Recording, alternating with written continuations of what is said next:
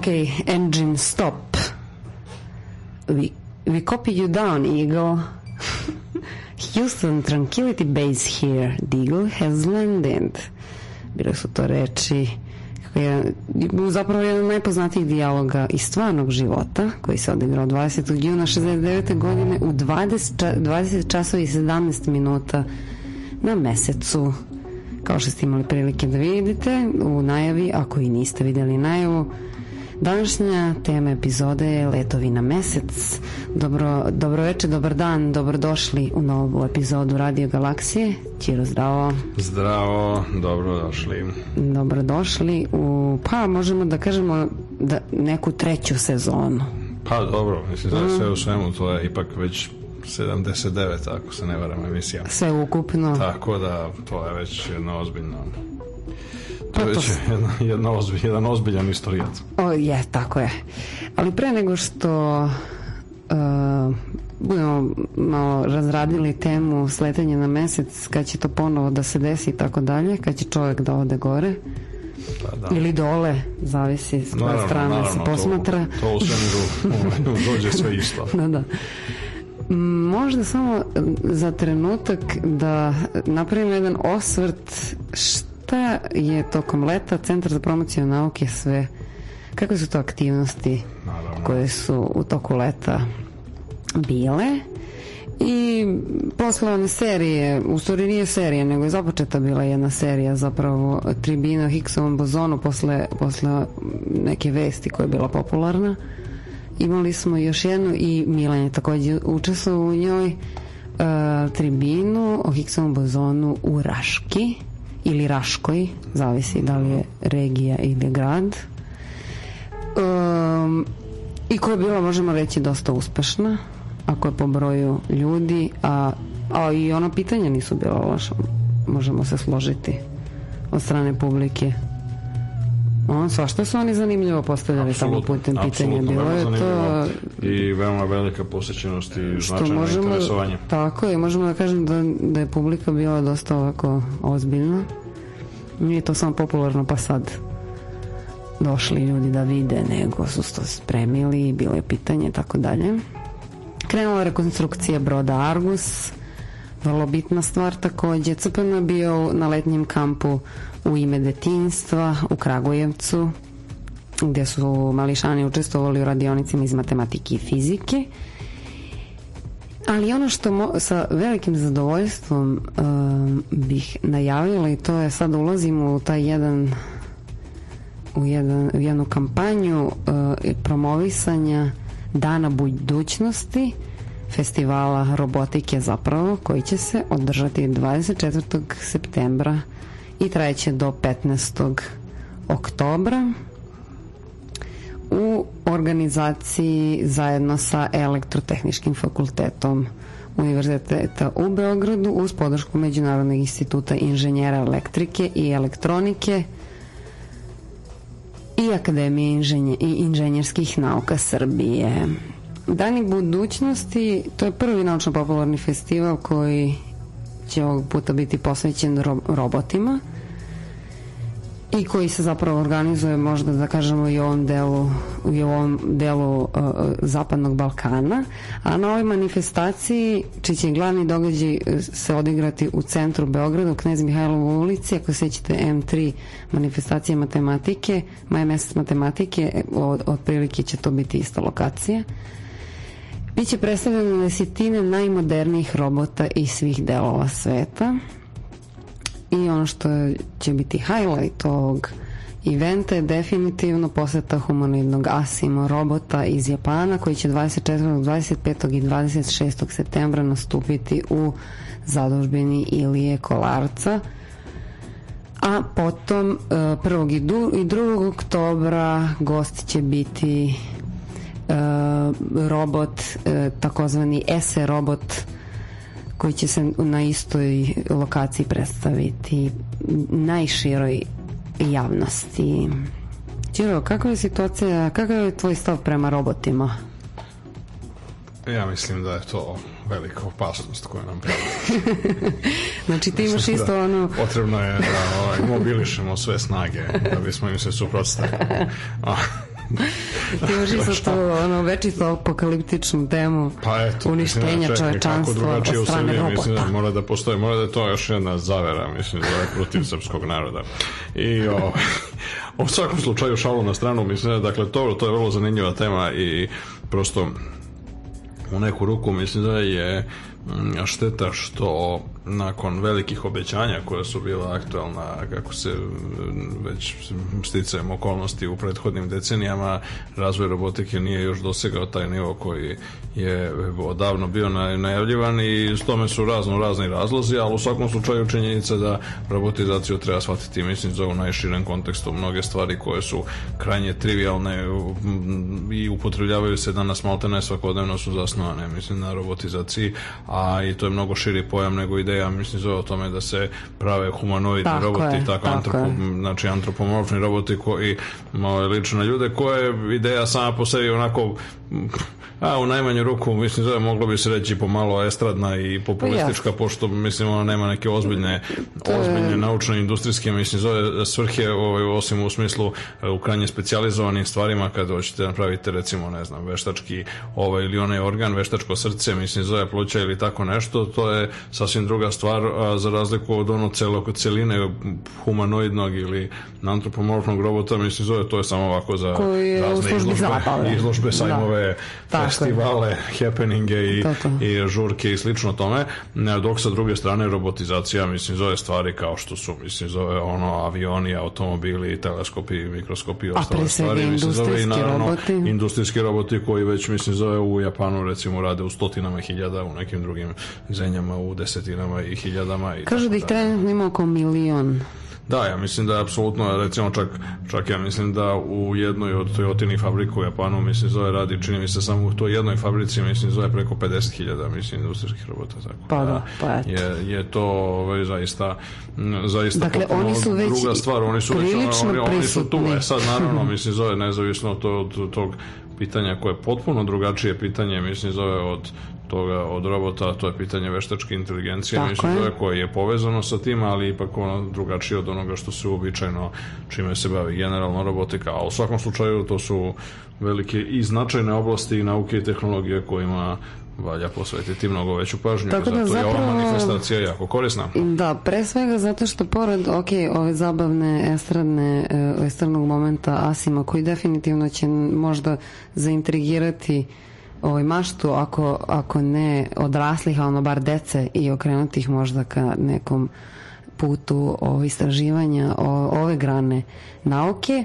E, u okviru festivala biće još naravno puno ko, jako interesantnih korisnih formi, e, tako da kažem, izložbi, eksponata, pa čak i filmskog programa i možda možemo već sad, pošto ne znam da li ćemo imati još neku epizodu Radio Galaksije do, do početka festivala, ali kako god e, jedna e, epizoda Radio Galaksije će definitivno biti uživo ovaj će se emitovati uživo da kažemo u e, nami galeriji Romne kuće u Knez Mihajlovoj broj 5 u prostoriji gde će se inače uh, svaki dan uh, svakog radnog dana zapravo od, održavati predavanja i filmski program koji će podrazumevati kako igrane animirane dečije filmove, tako i kratke filmove iz selekcije Robot Film Festivala iz Njujorka, ali već ćete blagovremeno pratite sajt cpn.rs i e, uskoro izlazi saj, sajt Dani budućnosti gde ćete moći da se obavestite o svakodnevnom programu ovog festivala, a mi da čujemo šta se dešava u, u svetu nauke. Mi smo dugo imali pa da, naravno, mislim, vesti ono što... iz iz da, nauke. Da, naravno, mislim, bilo je, bilo je zanimljivih događaja, mislim, zove koji je naravno verovatno najpoznatiji, naravno, ovaj, našim slušalcima sigurno je sletanje ovaj rovera Curiosity na Mars koje se uspešno odigralo kao što znamo u početkom avgusta ove godine, ali ne samo se uspešno odigralo, nego evo kako se ispostavilo, mislim zove pre nekih tačno ne, 24 sata mm -hmm. je objavljeno i da je ovaj robot mislim da Curiosity snimio fotografisao samog sebe dakle ovaj, što je jedna zanimljiva stvar znači postoji objavljena je znači NASA je objavila eh, ovaj, fotografiju na kojoj se mm, na korišćenjem robotske ruke, mislim zove, znači kamere koja je postavljena, mislim zove na robotskoj ruci, se je dobio snimak same sonde na površini Marsa, mislim zove snimak je ovako malo zamućen i kako bi se to reklo fazi zato što je zato što još nije skinuta ona navlaka koja, stoje, koja kao stoji na toj kameri zašto od prašine naime pošto je bio period u kome je bila povećana, povećana a, hajde tako da kažemo, olujna aktivnost na Marsu, a na Marsu su značajne peščane oluje. Marsova atmosfera jeste veoma razređena s jedne strane, no sa druge strane to upravo razređenost omogućuje da se tamo podignu, mislim, zove vetrovi koji se kreću jako velikim brzinama i do 600 km na čas ponekad. Ove sad nije bilo sreća, mislim, zove takvih vetrova, međutim, ne radi se o tome da je za svaki slučaj, pošto je generalno gledano bilo vetrovito i onda se podigne velika prašina, prašina je e, veliki neprijatelj ili mhm. kamera i drugih mislim zove tako finih je. instrumenta tako da i onda taj, e, taj dust cover koji se nalazi preko mislim zove o, kamere je nije još u potpunosti skinut tako da zbog toga mislim zove postoji malo onako on jeste onako poluprovidan ali, A pa to je ova fotografija to morat ćemo da šerujemo e, jeste A, tako da genijalno, genijalno. tako da sve u svemu ovaj, to je ovako interesantno između ostalog kao demonstracija to je demonstracija i provera sposobnosti funkcionisanja robotske ruke koja do sada nije bila korišćena korišćena e, u dosadašnjem toku, mislim, zove misije Curiosity, odnosno punim imenom MSL-a, odnosno Mars Science Laboratory, a, rover, a, rovera koji je, koji je sad te, tek treba da se, jeli, tek treba da počne da se koristi. A, on se do sada se uze bude rečeno Curiosity pomerio oko nešto malo više od 100 metara, mislim zove po, Aha. od mesta sletanja, mislim zove na a, kako bi se to reklo platovu ili dnu, mislim zove Galeovog kratera, a tamo gde, gde, gde se spustio, pomerio se za 100 i nešto metara, a očekuje se, mislim, zove da će ovaj da će uskoro da se pomeri još 300 metara, otprilike grubo govoreći na isto kod sadašnje pozicije, mislim zove gde se nalaze neke interesantne e, geološke stvari, odnosno neke interesantne stene koje, za koje je upravo mislim zove predviđeno da se robotska ruka koristi i da na taj način se dobije jedna mnogo bolja, mislim, zove trodimenzionalna po mogućstvu slika, mislim, zove celog tog geološkog okruženja. Pa to Tako da je... da to je bila jedna od... Ali ova fotografija je zaista impresivna. Jedna od ovako zabavnijih vesti, mislim, zove od skoro.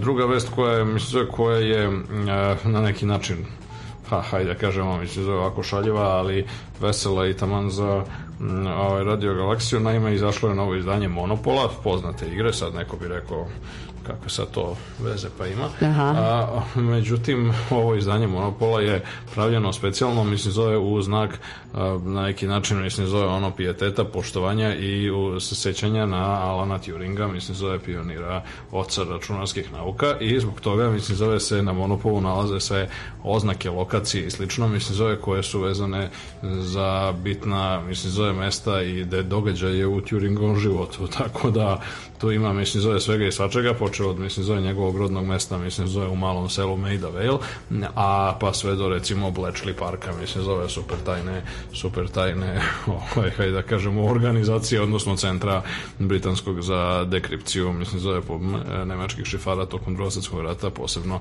takozvane enigma mašine, gde je Turing bio glavni, ovaj, dakle, da kažem, rukovodilac naučnog matematičkog dela projekta.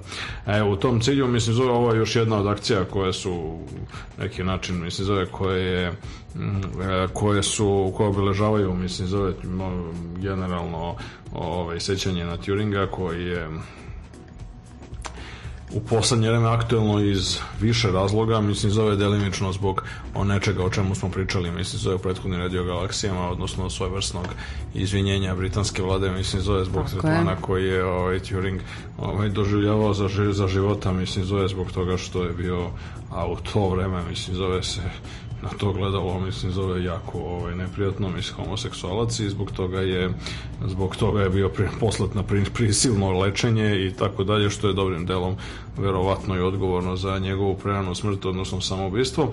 A druga stvar, mislim, zove je takođe bitna, jeste da je sad a, Bletchley Park upravo, mislim, zove postoji velika akcija da se Bletchley Park pretvori u muzej a, znači u muzej računarstva, pošto de facto, mislim, zove Turing tokom rada na dekripciji Enigma tamo konstruisao prve stvari koje bi se mogle nazvati elektronskim računarima, a, nešto što je ličilo na to, prvo takozvana ta njegova bomba, a posle, mislim, zove i Kolosus. Kolosus je de facto bio prvi računar koji radio na struju, najmanju ruku. Mm -hmm. Sad, mhm. da li ćemo reći da je bio baš elektronski računar ili ne, ovaj, to može da se, im postoje tehničke, tehničke diskusije oko toga, a ono što je Ono što jeste interesantno jeste da Mm, dakle u vezi sa tim mislim da je cijela ta ideja da Vlečer park se postane ovaj, muzej istorije računarstva mislim zove je podržao i Google i onda je shodno tome mislim zove Google jedan od sponzora mislim zove ovog novog izdanja novog izdanja Monopola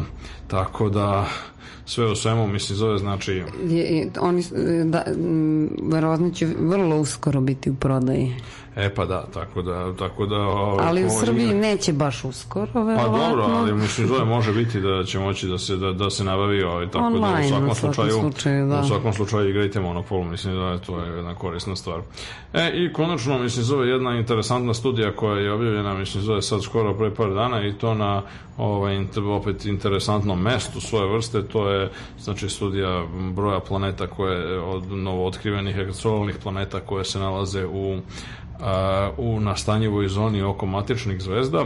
Mhm. Mm Pa jedna grupa naučnika sa univerziteta u Aberdeenu, mislim zove, koja je upravo prezentovala svoje rezultate, mislim zove, na Britanskom festivalu nauke koji se održava upravo u Aberdeenu ove godine, mm, je zapravo pokazala da a, po mnogo čemu, mislim, zapravo naš koncept nastanjive zone koja se nalazi okolo matič pojedinačnih zvezda na lik suncu je verovatno i suviše uzak i konzervativan i po mnogo čemu mislim zove moguće proširiti mislim zove taj, taj pojas e, u kom bi planeta mogla da bude nastanjiva mislim, i na jednu i na drugu stranu a posebno mislim zove s obzirom naravno na činjenicu mislim zove u kojoj meri se e, e voda mislim zove led a u, u ledu džepovi tečne vode mislim zove mogu nalaziti u takozvanom permafrostu odnosno ispod površine ispod m, stenovite, mislim zove o kamenite površine e, planete gde mogu vladati i mnogo surovi uslovi i mnogo niže temperature, ali onda recimo negde već na pola metra do metar ili par metara ispod, ispod stenja i prašine i čega god već se ima na površini e, se može nalaziti permafrost, odnosno led koji je praktično zamrznut cele godine s tim što se njegova debljina povećava ili smanjuje u zavisnosti od lokalnog godišnjeg doba. Ta situacija imamo na zemlji zemlji, u severnim delovima mm, Sibira, u Severnoj Kanadi i slično, znači na vrlo velikim površinama, a imamo i na Marsu, mislim da je takođe i na severnoj i na južnoj hemisferi dosta vode koja se nalazi u obliku permafrosta. E sad, e, ono što jeste zanimljivo jeste pitanje u kojoj meri mm, bi recimo geotermalna energija iz planetarne unutrašnjosti bila e, u stanju mislim da, da jedan deo permafrosta istopi ili da, da jednostavno se sačuvaju džepovi tečne vode koji bili izolovani tim okolnim ledom jer ne treba zaboraviti led je jako dobar izolator uh, i jako slabo provodi toplotu, tako da on može da zadrži ogromne količine toplote, mislim zove, a koja će i da, i da ispod njega se nalazi tečna voda u kojoj mogu postojati mogu postojati ovaj, eventualno uslovi za nastanak života i, i dalju evoluciju života. Te sve u svemu kako stoje stvari, mislim zove izgleda da ta nastanjiva zona oko matičnih zvezda nije tako uska kako se ranije mislilo, te to nam samim tim ukazuje da je verovatno verovatnoća nalaženja planeta, mislim zove na kojima postoje bar elementarni uslovi za recimo mikroskopske oblike života mnogo veća nego što se to tradicionalno mislilo. Mm -hmm. A, Da li, ovaj, gledam sad ovu fotografiju, pa je ovako čudno ovaj, isečena, vidiš. To ostavlja dosta prostora za mm, teoretisanje ono zavera i to. Sigurno se videlo još nešto u pozadini. Da, Znaš, da su bili marsovci, zato što da mislim, ona, to je zapravo ovaj, verovatno bila fotografija zajedno sa marsovcima, koji su onda posle isečeni, pošto oni su hteli da se slikaju pored rovera, to je sasvim prirodno. I, i da postave, i, i da postave e, fotografiju na Facebook. Normalno, tako da, da, očekujte uskoro. Mislim, Očekujemo uskoro ovaj Facebook nalog e, Curiosity, ako, ako ne i Twitter, a to već ima u stvari, on, on redovno ovaj, se javlja sa svojim poslednjim porukama. Pa dobro, interesantno u svakom slučaju. Pratit ćemo razvoj događaja, a sada je vreme za malo muzike.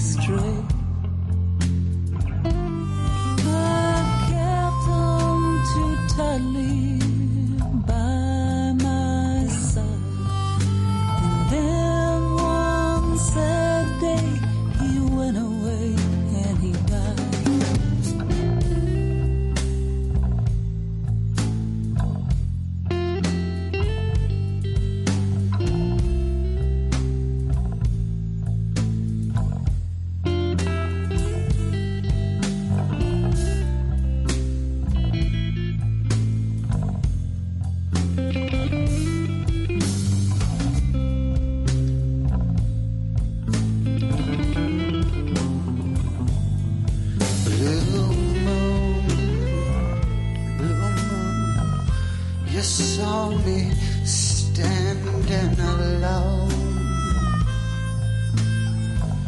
without a dream in my heart.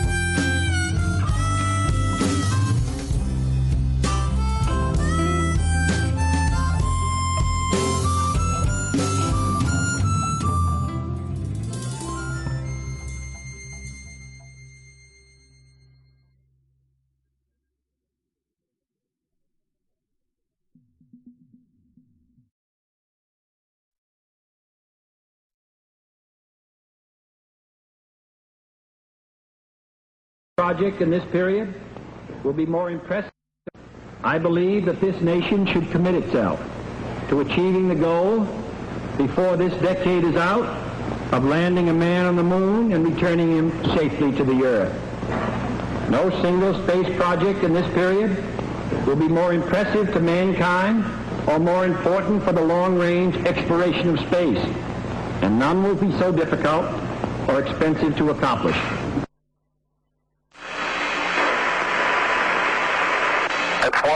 12 step for man, one giant leap for mankind. Oh, that looks beautiful from hmm. here, Svakako su bili uh, interesantni istorijski snimci. Dakle, na neki način smo spojili ovaj početak i e, pa dobro, nećemo reći kraj, ali u svakom slučaju kulminaciju mislim zove velikog projekta Apollo, mislim, a to je, znači, početak je bio upravo govor predsednika Johna Kennedy-a pred kongresom, kongresom iz maja 1961. godine, dakle u kome je najavio projekat Apollo, odnosno ono što će postati projekat Apollo, odnosno projekat sletanja e, ljudi na mesec i kao što je odmah naglasio, mislim zove i njihovog bezbednog povratka nazad, što se takođe, ove, ovaj, što je takođe krajnje netrivialna stvar. E, ono što, međutim, ono što jeste fascinantno jeste da znači praktično mislim zove to se eto ovaj, os, zaista i ostvarilo i to boga mi čak što bi rekli godinu dana, mislim zove pre isteka, godinu i ne, godinu i po dana skoro pre isteka, mislim zove dotične decenije, pošto ne treba zaboraviti da se ta decenija završava, završila 31. decembra 1970. godine, ovaj, a nekako ljudi obično pogrešno misle da se recimo 69, 20. vek završio 1999. i tako da. dalje, mislim zove kako to već često biva, a, tek uglavnom, mislim zove, znači a, u julu 1969. se Neil Armstrong kao prvi um, astronaut koji je e, kročio na tle nekog drugog nebeskog tela osim zemlje, posle zemlje, kako god hoćete, je upravo se je otpočeo upravo tim istorijskim rečima, mislim, da, koje svi znamo ili bi bar trebalo da znamo o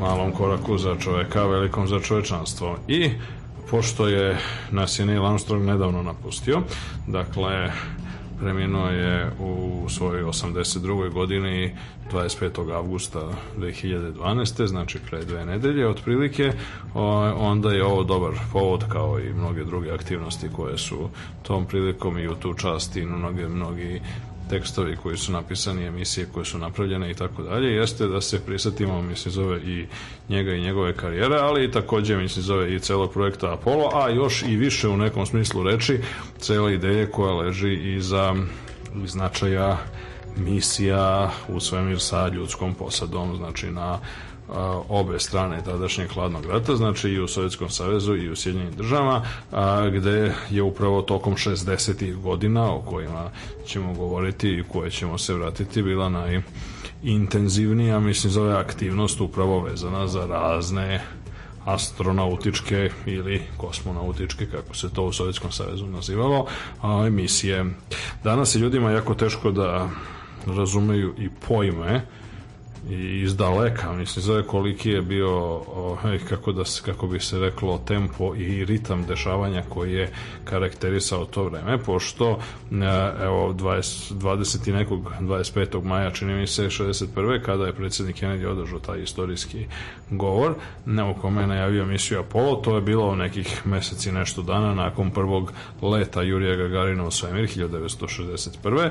A onda nakon toga su se bukvalno, mislim, zove ređale najrazličitije misije i ovaj, i na jednoj i na drugoj strani, znači i projekti kao što su, mislim, zove bili, znači, Vostok, Vashod i kasnije Sojuz u Sovjetskom savezu i ovaj, najpre Mercury, pa Gemini i na kraju Apollo projekat u Sjedinim državama, to su znači bile potpuno različite i u nekom smislu reči različite vrste misija, letilica, projekata, semenskih brodova, dakle sve je to bilo u razmaku od bukvalno, mislim, zove godine za godinom i stalno se nešto dešavalo i to je ono što je danas gotovo nesvatljivo, pošto u nekom smislu reči danas sa izuzetkom ono nešto malo aktivnosti i publiciteta koje povremeno dobije Međunarodna svemirska stanica, povremeno ako se nešto desi, ali to su obično vesti tipa Kiro, ja sam ti Od, od prepa, da, dobro. Ali otprilike, mislim, ima, zapravo ima i, i gore od toga, zato što, mislim, zove su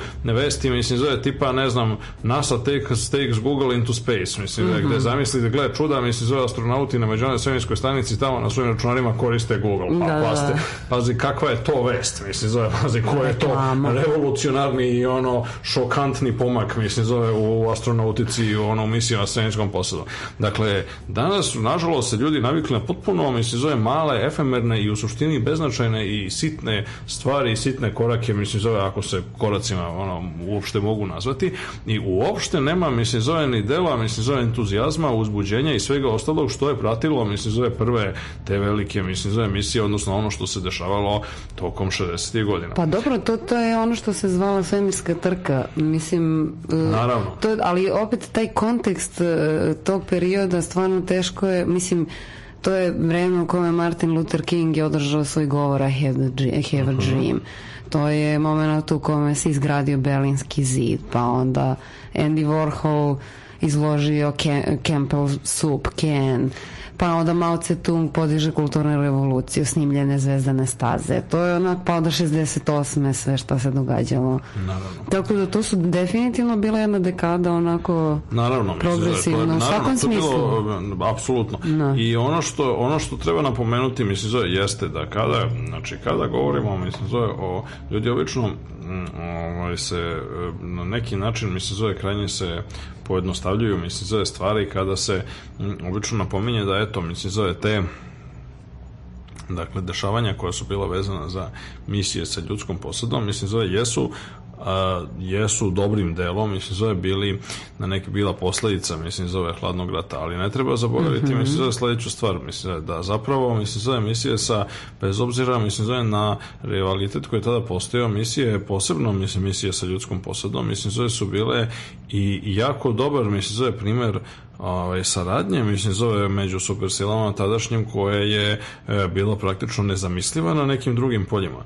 I ono što se vrlo često, mislim, zove smeće suma jeste da su zapravo prvi i kosmonauti i astronauti, astronauti mislim, zove bili ono univerzalni heroji, da su oni bili e, podjednako slavljeni, mislim, zove sa, i sa jedne i sa druge strane gozdene zavese, mislim, zove pa i, i, i, i u nesvrstanim zemljama i tako dalje. Dakle, dakle dakle, širom sveta i da se na taj način, mislim, zove zapravo a, isticalo ono što je suštinsko u, u astronautičkom programu, mislim, zove, a to je da mm, je on jedan, jedan opšti, mislim, zove, opšti globalni poduhvat koji a, u nekom smislu reči kada, koji baš utiče na to, mislim, zove da se značaj i važnost i granica koje političkih, državnih, geografskih, kakvih god, mislim, zove etničkih, kulturnih koje postoje na zemlji umanji.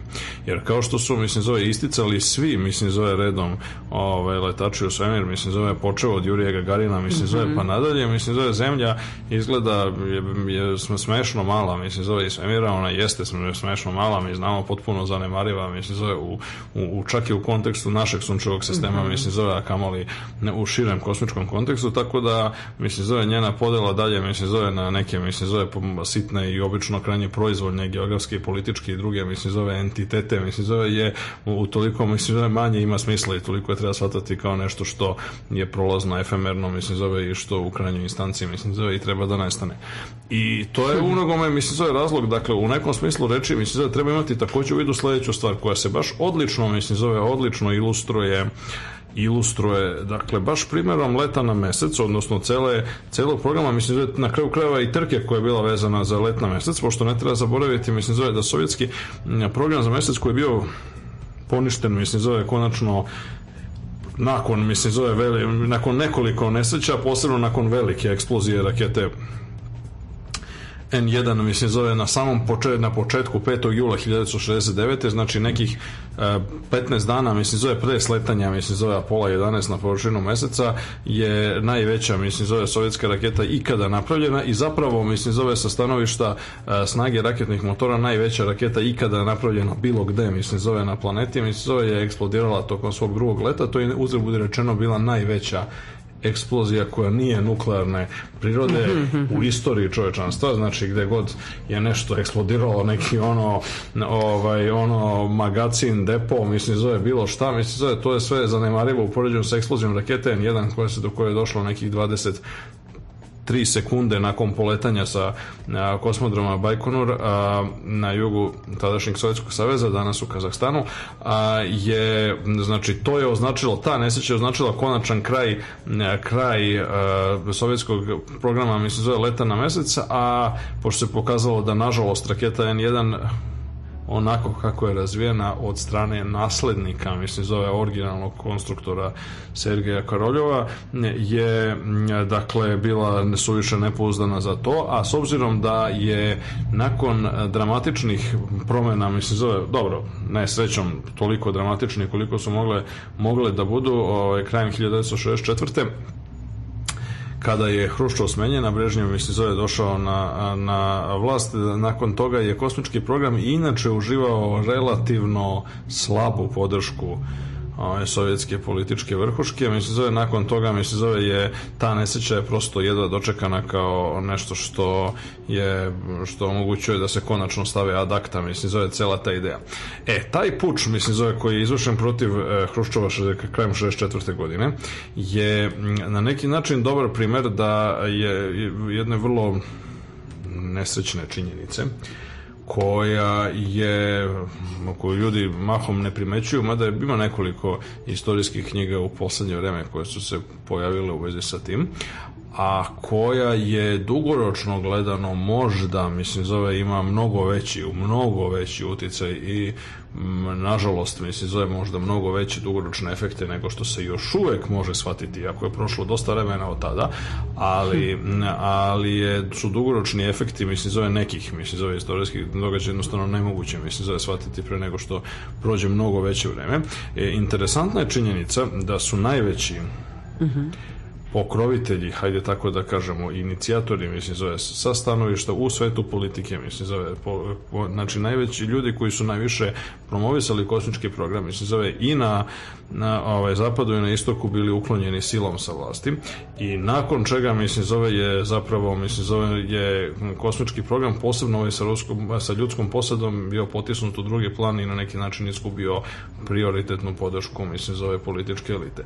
To se, mislim zove, desilo u svetskom Savezu sa odlaskom Hruščova, mislim zove i dolaskom Brežnjeva. Taj puč koji je izvršen u oktobru mesecu 1964. je srećom bio izvršen bez krvi.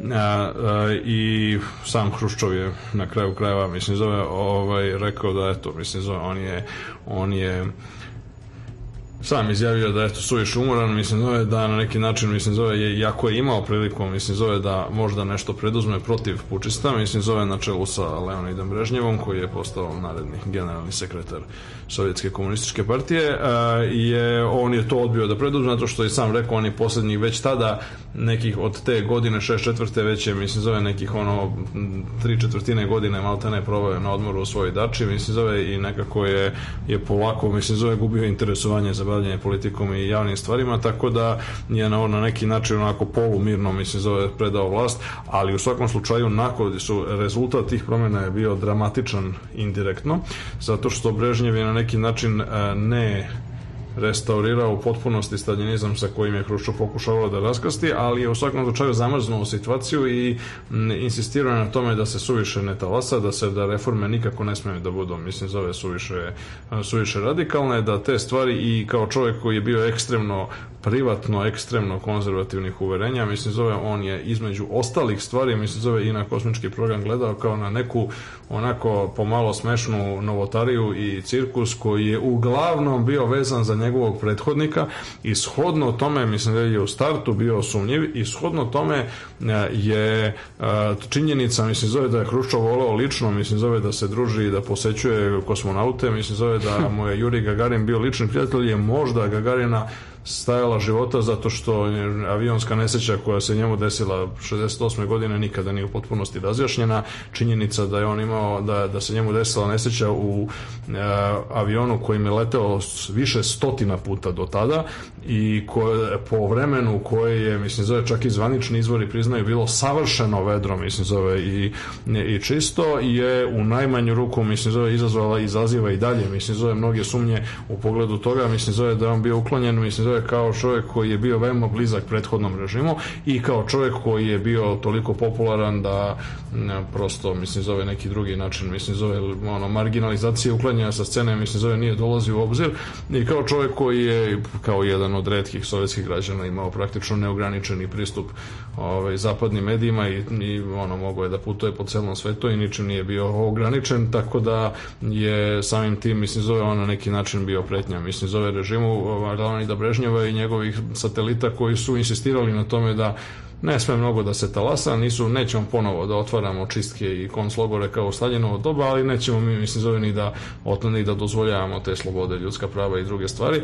Tako da je u tom kontekstu, mislim, zove je između ostalih stvari, to se sad Znači, posledice uklanjanja Hruščova mislim da su bile katastrofalne za sovjetski kosmički program i zapravo a, novi rukovodioci, mislim, na čelu sa Brežnjanom su samo čekali, mislim, zove i razne izgovore, a izgovore su im pružali vrlo često, znači, nekompetentno a, ovaj, rukovodđenje kosmičkim programom, posebno nakon smrti genijalnog Sergeja Karoljova koji je umro 1966. i, a, nažalost, ostavio ostavio o, prilično mnogo nezavršenih projekata, između ostalog, mislim, zove raketa N1 pomenuta koja je bila na papiru i ovako gledano sa stanovišta, mislim, zove koncepta jedno genijalno remek delo inženjeringa, je međutim nije bila, nije daleko odmakla u realizaciji kad je on umro, a njegovi naslednici su zapravo pokazali da su na neki način uneli modifikacije kojima se glavne, glavne vrline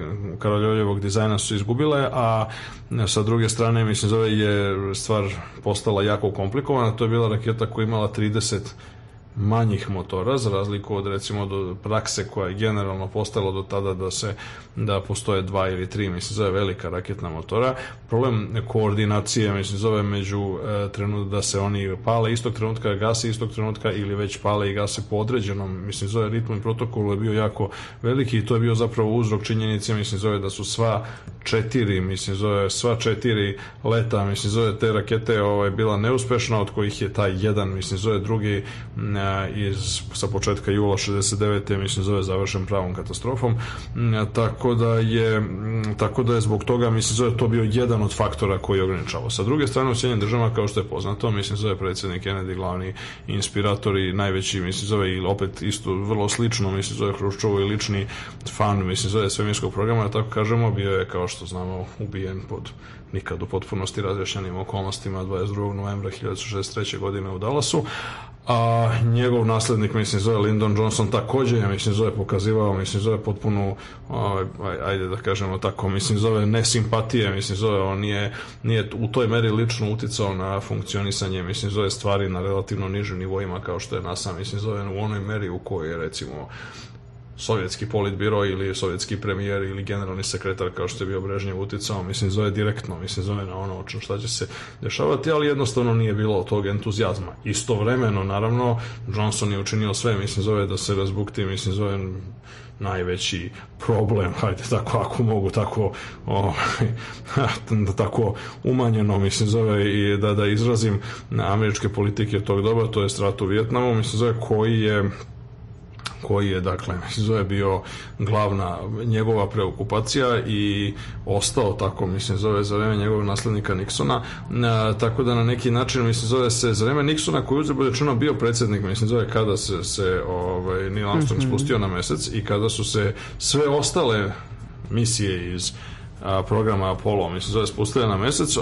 Nixon je Pa, pa u nekom smislu reči mi se zove ono pokazivao izvjesne simpatije za, za svemirski program i a, bio je mislim zove takođe mislim i, bio je takođe onako ajde da kažemo mislim zove i često se lično angažovao u pogledu stvari koje su bile vezane za našu ironija je mislim zove da je i on kao što je poznato uklonjen sa vlasti odnosno bio je prinuđen da podnese ostavku mislim zove kada se pokazalo mislim zove da su stvari koje je radio, mislim, zove bila jako no, no, mislim, zove tokom ove ovaj, zloglasne afere Watergate i čitavo niza drugih afera do kojih je to dovelo, mislim, zove gde se ove, ovaj, otkrivalo njegov, onako, ajde da kažemo, manipulatorski, ajde ekstremno, mislim zove opet, opet kažem ekstremno uprošćeno manipulatorski stil vladavine mm, a, i a, e, kao posledica toga, mislim zove nakon njegovog odlaska, mislim zove sa vlasti, apsolutno se, a, e, znači ono, e, da tako kažemo, svemirski program NASA, bilo kakve misije sa ljudskom posadom, mislim zove padaju potpuno u treći plan,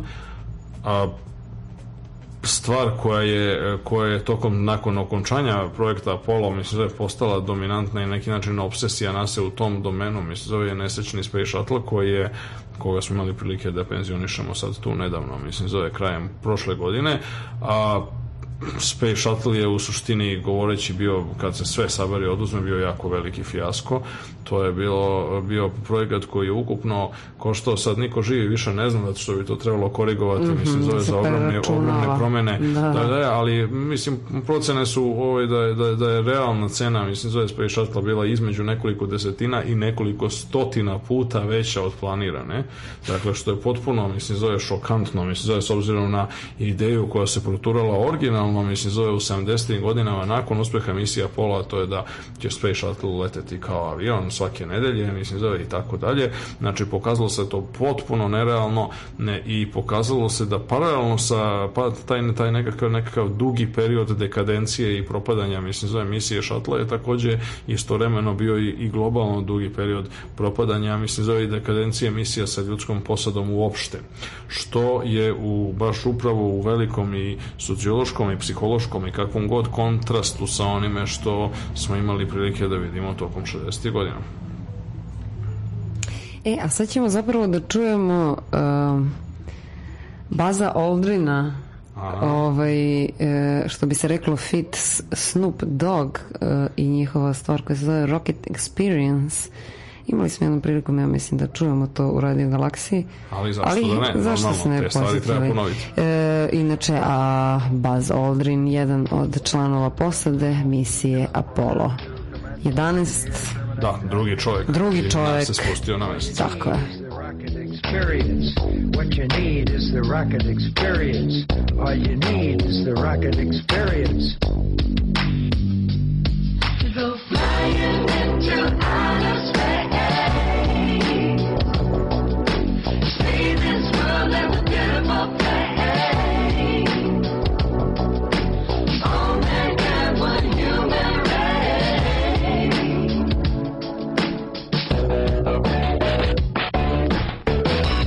story about my time on the moon now. The sky was black even though the sun shined on. Moonwalking such a trip, it's so fine when you're walking in the lunar dust. It took us four days riding on a rocket to set foot for the very first time. I'm gonna tell you about the meaning of it all. We came at peace for all mankind. Imagine a place above the sky, riding orbits in 90 minutes time. All you need is to come with me. I'll be your guide. To go flying into outer space. See this world as a beautiful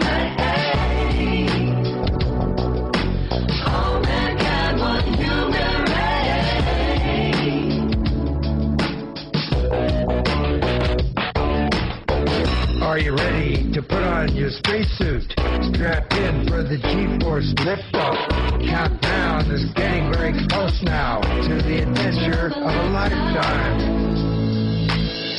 I've been there, now I say it's your turn. All we gotta do is make the engine burn. Let's take a trip on an orbital spaceship. This is how we will reach the stars. stars, stars, stars. no here. make sure that uh, you've got your feet underneath you. Lack of gravity. of gravity, of gravity, gravity, gravity. All you need is the rocket experience. What you need is the rocket experience. Have you're clear to take off. All you need is the rocket experience. Roger, understand. We're number one on the runway. All you need is the rocket experience. It's all you need. To go flying into outer space. I am the spaceman. See this world as a beautiful place. I am the rocket man. Home venture far. Let's take a trip to Mars. Our destiny is to the stars.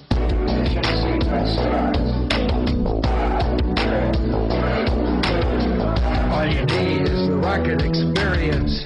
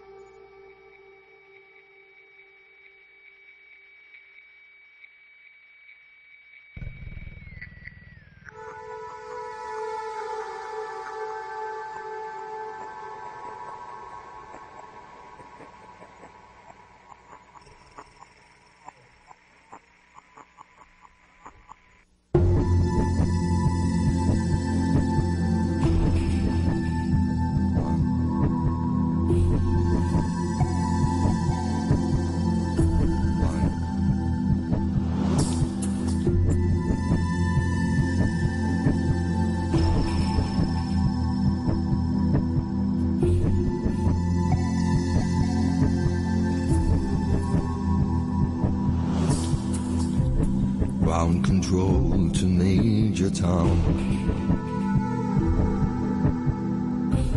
Ground control to me.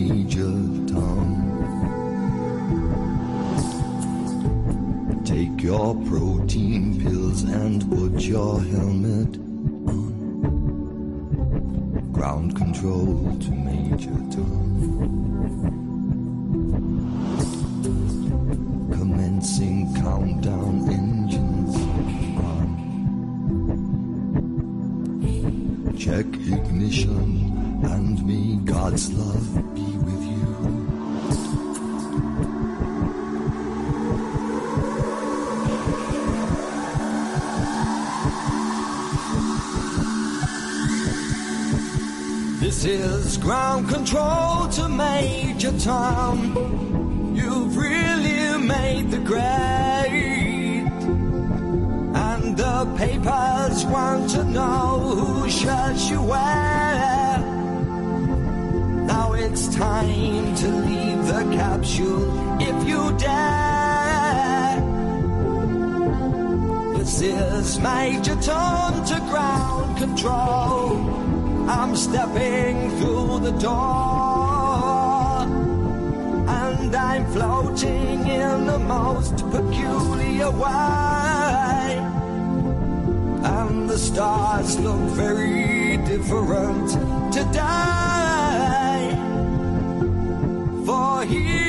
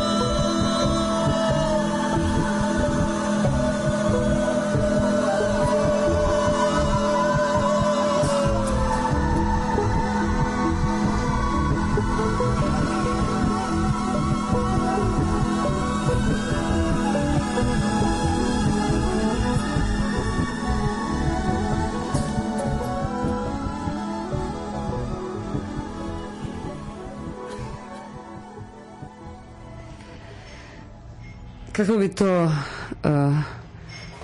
tema letovi na mesec prošla bez muzičke pozadine čuvena uh, e, David Bovijeve Space Oddity, ali ovog puta u obradi Petera Murphy-a ali nastavljamo priču o letovima A, na mesec. Ali ono što je bilo pre toga. Aha je bio Baz Aldrin. Tako je, Baz Aldrin, to smo dakle, napomenuli. Rocket Experience uh, i to ono što je interesantno jeste da Baz Aldrin nije samo mislim, repovao, nego pored ostalog stvari on je posle završetka uh, svoje aktivne astronautske karijere bio bi vrlo uspešan poslovan čovek i tako dalje i u mnogo napisao je par knjiga mislim i uh, dosta često se on pojavljivao i pojavljuje još uvek u javnosti ovaj, u vezi sa tim da um, u vezi sa popularizacijom je li generalno mm -hmm. svemirskog programa, mislim, zove svemirskih letova i slično. I u tome se on jako zapravo razlikovao, mislim, zove od svog ovaj, saputnika i zapovednika, mislim zove na misiji Apollo 11, jeli Nila Armstronga, a koji je bio jako povučen, hajde tako da kažemo, mislim zove nakon što je okončao, mislim zove svoju astronautsku karijeru, je živeo izrazito, ovaj, što bi se reklo, ovaj, van očiju javnosti i to, mislim, zove u toj meri da su mu to čak i zamerali, mislim, zove neki njegovi, mislim, zove kolege i prijatelji i tako dalje, mislim, zove pošto je na neki način bilo, mislim, nije hteo ne da intervjue za medije, mislim, zove i jednostavno, mislim, zove nije se Mislim, nije se poljivo na raznim promotivnim dešavanjima, mislim, zove koja je NASA organizovala i tako dalje i sve u svemu, mislim, zove živo jako povučeno, mislim, i napravio je par izuzetaka od toga i 2000 treće godine, mislim, zove, ne, 2000 pete se, mislim, zove gotovo iznenada i neočekivano, mislim, zove pojavio na jednom skupu, mislim, zove nekadašnjih astronauta, mislim, zove u Daytonu u Ohio a, i tom prilikom je održao neki kratak govor, da ne kažem zdravicu i tako dalje, koja je bila jedna od relativno redkih prilika, mislim, zove gde ga se moglo vidjeti, mislim, zove u javnosti.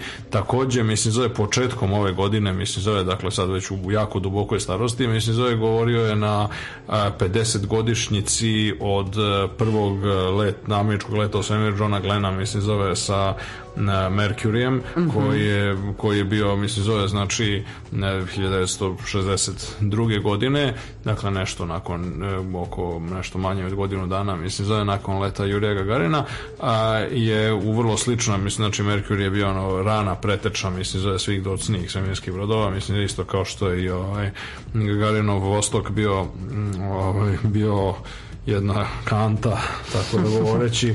Znači, te prve misije, znači, Mercury i Vostok, to je gotovo neshvatljivo, mislim, zove danas, znači, čak i znači, astronauti, odnosno ili kosmonauti, kako god, koji su a, bili izabrani kao najbolji među najboljima, mislim, zove iz ne, znači jedne jako velike grupe ljudi kao što su probni piloti i o, najiskusniji, mislim zove najsposobniji vojni, poneki civilni a, e, piloti koji su a, dakle ljudi koji su navikli na opasnosti, mislim zove u, na neki način mhm. svakodnevno u okviru svoje profesije izlagali život riziku a, znači oni su bili užasnuti prosto mislim zove kada su videli prve nacrte mislim zove ovih tih prvih e, prvih kapsula zato što su one praktično Mislim, one nisu nisu bile nikakvi svemirski brodovi. one je tu praktično kosmonaut, odnosno astronaut nije apsolutno ničim mogao da utiče na svoju sudbinu. Mislim, sve je bilo daljinski, sve je bilo zavereno, čak u originalnoj verziji. Mislim, zove Mercury, recimo, nije imao čak ni prozore, mislim, zove ne, pa su onda oni su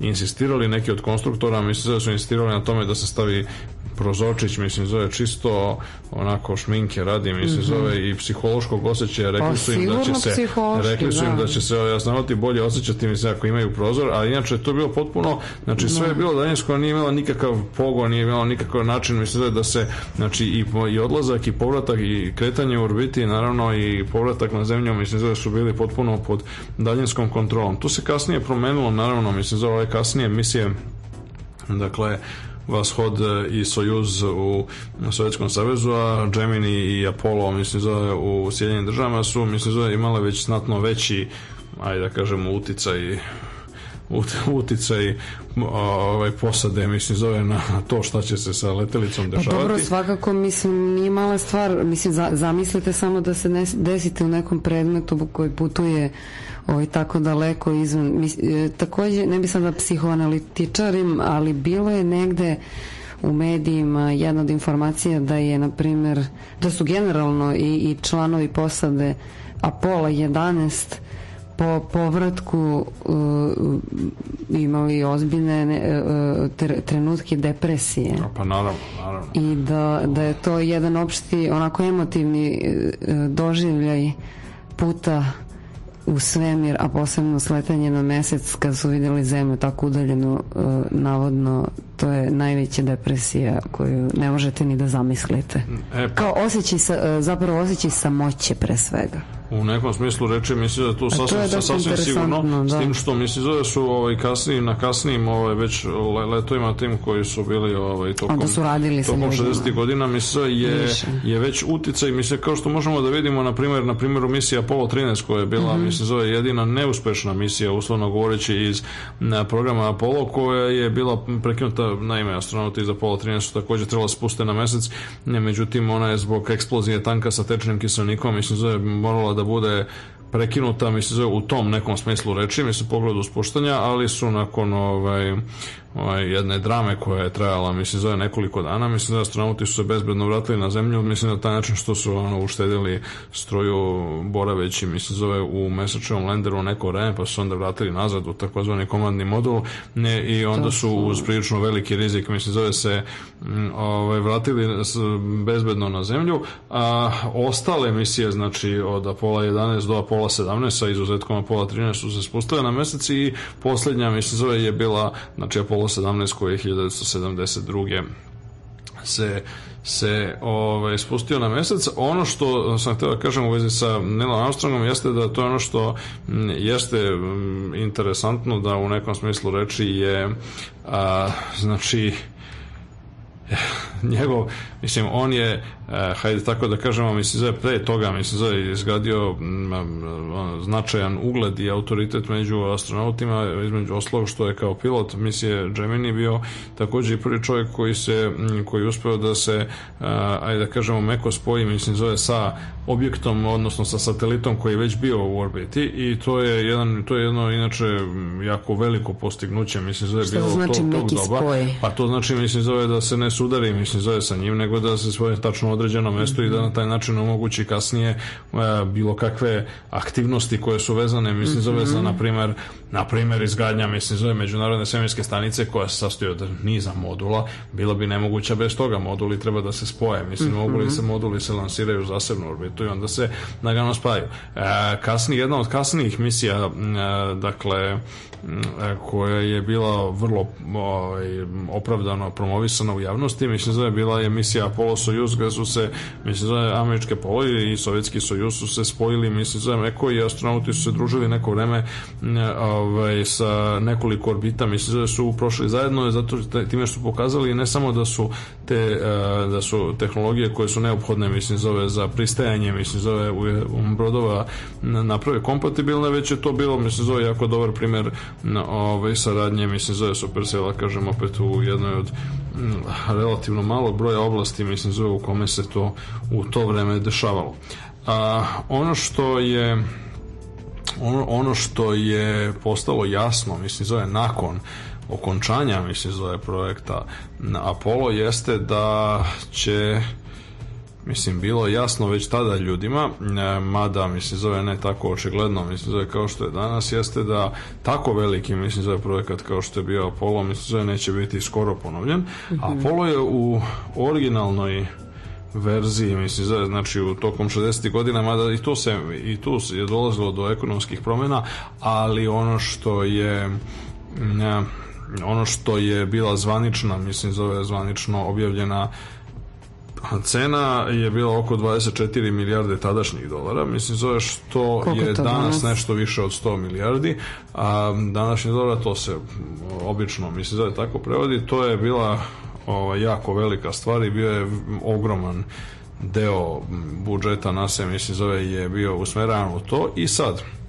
kakve su posledice toga? Pa, s jedne strane, ovaj, bila je čitav niz tehnologija koje su morale biti smišljene i razvijene što bi se reklo u hodu ili još mhm. bolje, još adekvatnija metafora bi bila u letu a zato što, mislim, zove su jednostavno stvari, mislim, koje apsolutno nikad ranije nisu, mislim, stvari kao što su na primjer termalna izolacija koja je neophodna radi povratka, mislim, zove bezbednog povratka brodova kroz atmosferu, mislim, zove je bila potpuno nova stvar, ona između ostalog rezultovala i nekim stvarima koje su ušle u svakodnevnu upotrebu mnogo kasnije kao što su teflonski tiganji, na primjer, koji su bili prvi razvijeni, upravo to komisija Apollo mislim zove za potrebe termalne izolacije, znači uopšte teflon kao materijal, a i, i njegovo korišćenje mislim zove u kuhinji i drugde mislim zove je bilo prvi put razvijeno mislim zove tada, bilo je čitav niz drugih nekih kako se to lepo kaže spin-offova, odnosno uzglednih proizvoda mislim zove koje su od kojih su neki takođe mislim zove dosegli, ajde da kažemo tako ono,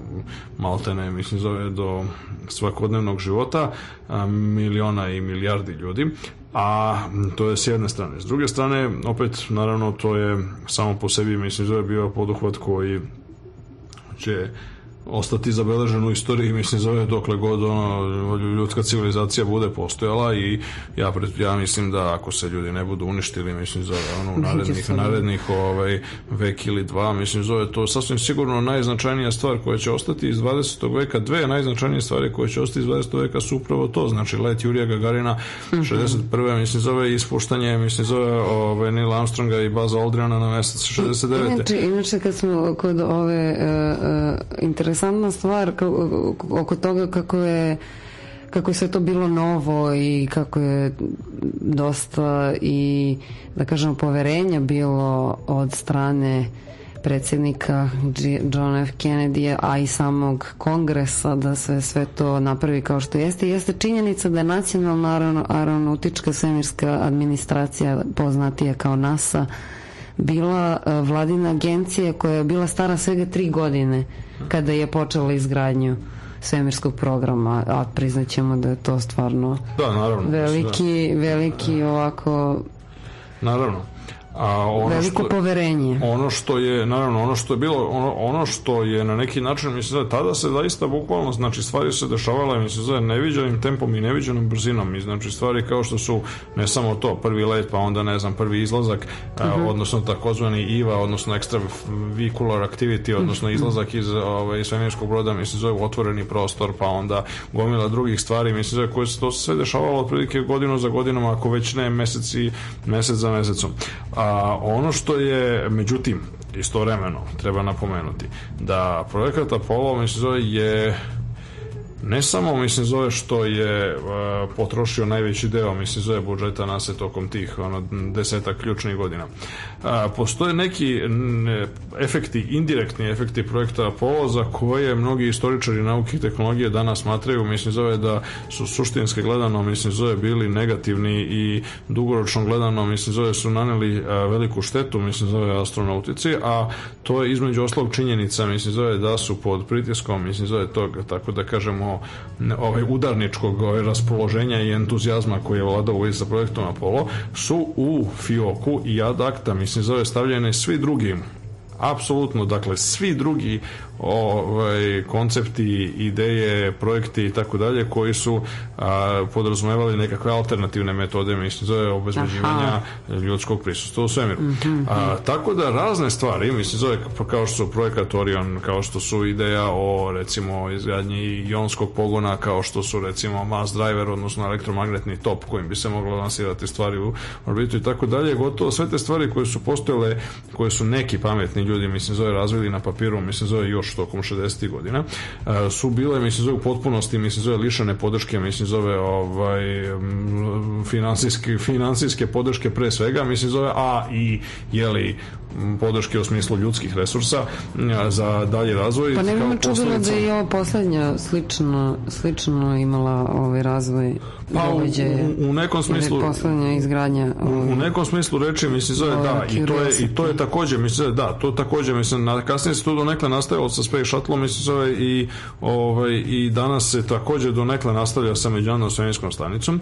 A ono što je to je jedna stvar. Ona da, druga stvar koju treba napomenuti jeste činjenica lica da, koji mnogi ukazuju između ostalog i Buzz Aldrin, mislim zove upravo u tim nekim knjigama koje je napisao i nekim javnim istupima u kojima, kojima se pojavljivao, mislim zove pokazuje se da je problematična, mislim, zove sama činjenica da se u pogledu istraživanja svemira, a pogotovo u pogledu misija sa ljudskom posadom, da to i dalje, mislim, zove, ostaje gotovo u potpunosti i na celom svetu, mislim, zove, dakle, to je bitno da se naglasi, praktično na celom svetu gotovo u potpunosti državni monopol to je, mislim, zove vrlo problematično, mislim, zove iz više razloga, mislim, zove. Znači, i NASA i, recimo, Evropska svemirska agencija ESA i ekvivalentna ruska agencija koja se zove Roskosmos, e, koja je naslednik, mislim, zove stare sovjetske, mislim, zove ekvivalentne agencije tome, i japanska takozvana JAXA kako se obično čita,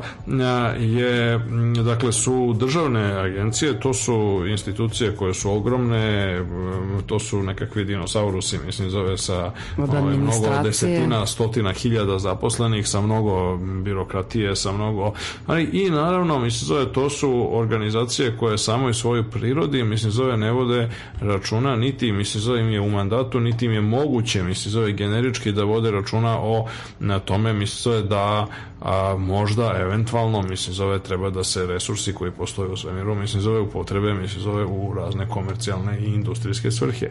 A to je ono što, kao što smo više puta u Radio Galaksiji napominjali, predstavlja dugoročno govoreći imperativ koji na neki način predstavlja pitanje opstanka ili ne opstanka čovečanstva dugoročno. Znači, ako ljudi ne počnu koristiti, mislim, zove svemirske resurse, onda na dugi rok, mislim, zove svakako, mislim, zove da su osuđeni na nestanak. I to toko toga hmm. nema nikakve dileme. To je onda da, potpuno da, da, isto da, da kao da. i sve druge životne, žive vrste koje su evoluirale tokom biološke e, evolucije koja traje već milijardama godina. E, sasvim je jasno, mislim, zove da vrste se pojave, poslužive neko vreme i onda nestanu u jednoj ili drugoj epizodi masovnih izumenja koje su prouzrokovane često velikim katastrofama, koje takođe često, mislim, zove se mogu, se zapravo ne mogu izbeći uopšte, mislim, zove ukoliko, mislim, se zove ste ograničeni, mislim, zove samo na zemlju. I ultimativno jedini, jedini ovaj, mogućnost da se vrednosti, mislim, zove i ukoliko smatramo da su ljudi proizveli neke vrednosti i sačuvaju, mislim, zove jeste da se one prošire po drugde po svemiru, a to podrazumeva korišćenje svemirskih resursa.